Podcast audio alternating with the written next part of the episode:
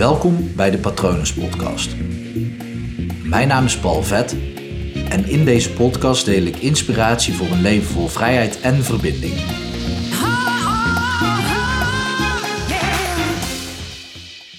Je weet het hè, als je naar links kijkt, nu, dan zie je rechts niks. En ik heb het hier eerder over gehad. Het doet me gewoon weer even denken, tenminste vandaag doet me even denken aan dat effect dat wanneer je naar links kijkt je rechts niks ziet. En dat is natuurlijk logisch, maar dat is wel hoe jouw brein werkt. Ik heb vandaag een filmpje gezien van 1 minuut 41 volgens mij. En de camera ging van links naar rechts en weer terug naar links. En in die tussentijd waren er 21 dingen in het beeld veranderd. En ik zag ze niet. Het enige wat ik zag was dat een harnas opeens begon te bewegen. Je denkt echt, wat voor filmpjes zat jij te kijken, joh?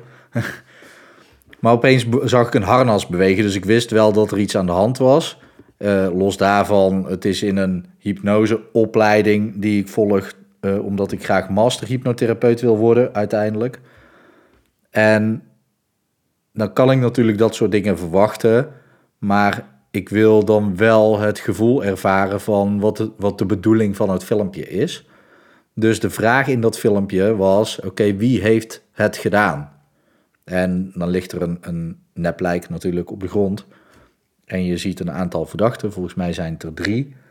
En dus in die 1, 1 minuut 41 gaat het beeld van links naar rechts en weer terug. En ik zag gewoon niet dat er 21 dingen waren veranderd. Later besefte ik me wel dat me wel een aantal dingen waren opgevallen. Maar ik heb ze gewoon niet bewust geregistreerd. Want ik was echt aan het uitvogelen wie nou de dader was. Vroeger had je ook zo'n bordspel. Vond ik super vet om dat te onderzoeken. Dus ik zat er helemaal in en gewoon niet zien. En dat is wel heel bijzonder, want zo werkt je brein dus. Op het moment als jij je op één ding focust, dan zie je alle andere dingen niet. En um, ik weet niet precies hoe dat effect dan heet. Het Bader-Meinhof uh, effect is op het moment als jij opeens een droomauto ziet één keer. Of je hebt jezelf voorgenomen om uiteindelijk die bepaalde auto te gaan kopen. Ik noem auto, hè. misschien hou je helemaal niet van auto's, maar het is gewoon een makkelijk voorbeeld. En opeens zie jij die auto overal rijden. Dat is het Bader-Meinhof effect. En dit lijkt er wel op. Maar zo werkt het dus ook met op het moment dat jij in je leven zit en jij hebt het idee dat het niet beter gaat worden. Als jij het idee hebt van, oké, nou ja, je luistert deze podcastafleveringen wel omdat je er wel wat geloof in hebt, maar ik weet gewoon dat er heel veel mensen zijn dat, die denken dat het niet beter kan worden dan. En dan hebben ze dan X, zeg maar, dan een bepaalde lat. En dat snap ik, omdat je dat gewoon, je kan dat niet voor je zien, omdat je je dan op die lat richt. En dat klinkt heel zweverig, maar als je dat koppelt aan de metafoor van dit filmpje. Je hebt, je hebt ook zo'n ander filmpje, misschien heb je die wel gezien, die is veel bekender. En dan zijn er twee basketbalteams, die zijn aan het spelen, maar ze hebben allebei een bal. En het, uh, wat, wat zij als opdracht meekrijgen is die bal naar elkaar pasen.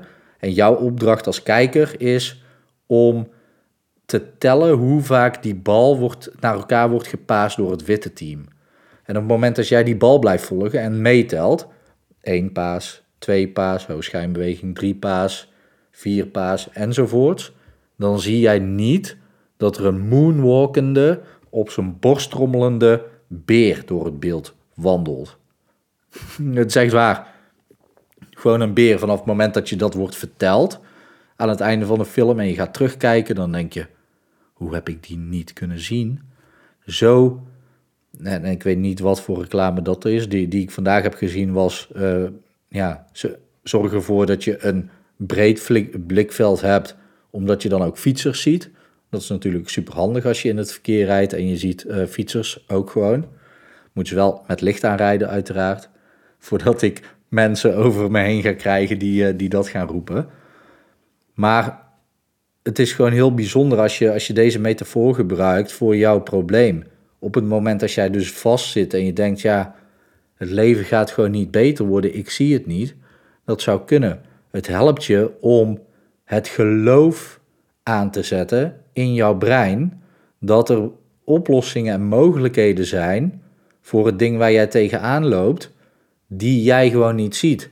En het is heel lastig voor ons om te beseffen dat er dingen zijn die wij niet zien. Want wat wij zien is voor ons de realiteit. Wat we zien of horen, voelen, proeven, ruiken, dat is de realiteit.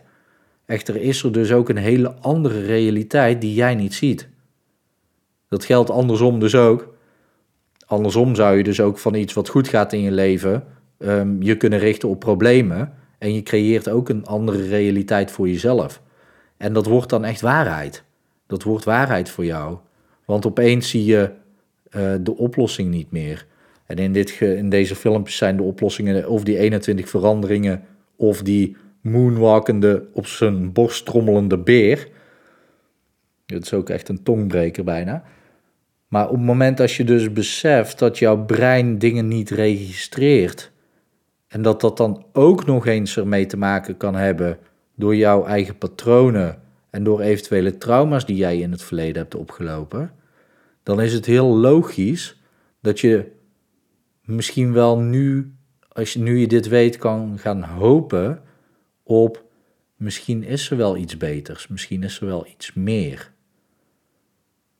Dit geldt niet voor de mensen die, die denken, is dit het nou? Want op het moment dat je op zo'n punt zit van, is dit het nou? Dan heeft het vaker te maken met kiezen. Kies nou eens voor één ding te gaan. Kies nou eens voor één relatie, voor één woning, voor één hobby, voor één beroep.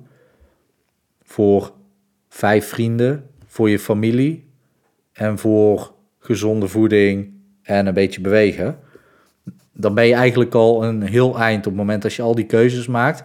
Heel veel meer keuzes kun je niet in je leven maken, want dan ga je het dus verspreiden. En op het moment dat jij dus aan het wachten bent totdat de ideale keuze voorbij komt, terwijl je moet kiezen uit 100.000, letterlijk 100.000 keuzes, dan krijg je het gevoel, is dit het nou? Dus daar geldt dit niet voor. Dit geldt echter voor op het moment dat jij denkt, ik heb niet het gevoel dat ik ooit nog door die blokkade heen kom. Of dat ik ooit nog van die angst afkom. Of ja, mijn leven is nu gewoon zo, want ik heb al heel veel dingen gedaan in mijn leven. Siri gaat er zich mee bemoeien, excuses daarvoor. Volgens mij zei ik toch geen Siri, geen idee. Maar als jij dus het gevoel hebt van, hey, dit is de grens die ik heb bereikt en ik heb al van alles geprobeerd,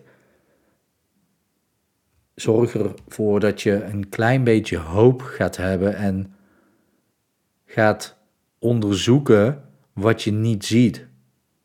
En dat is lastig, maar ook bij dat filmpje was het mogelijk om toch die moonwalkende beer te zien, ook al focuste ik me op het pasen van de bal.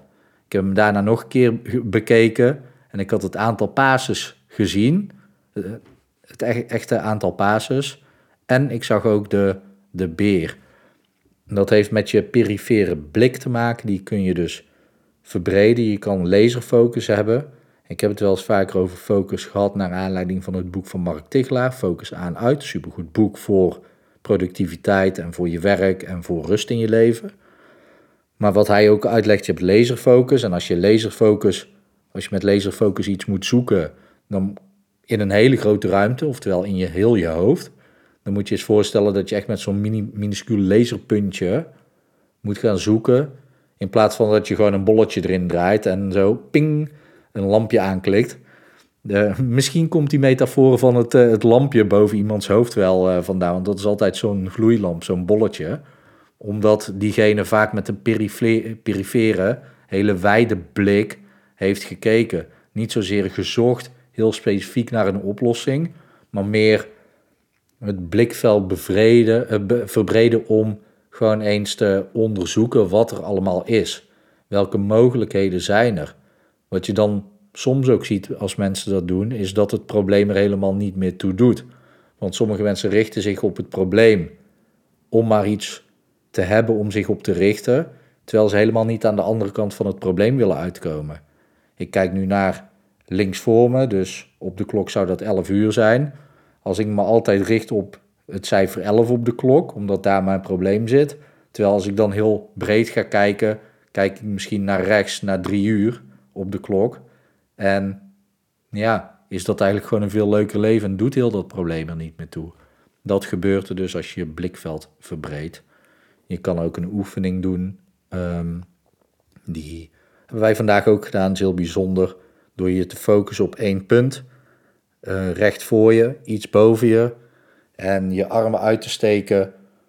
Um, zodat dat punt eigenlijk, tussen, dat je dat ziet tussen je handen door. En terwijl je naar dat punt blijft kijken, ga je je handen steeds verder uit elkaar bewegen.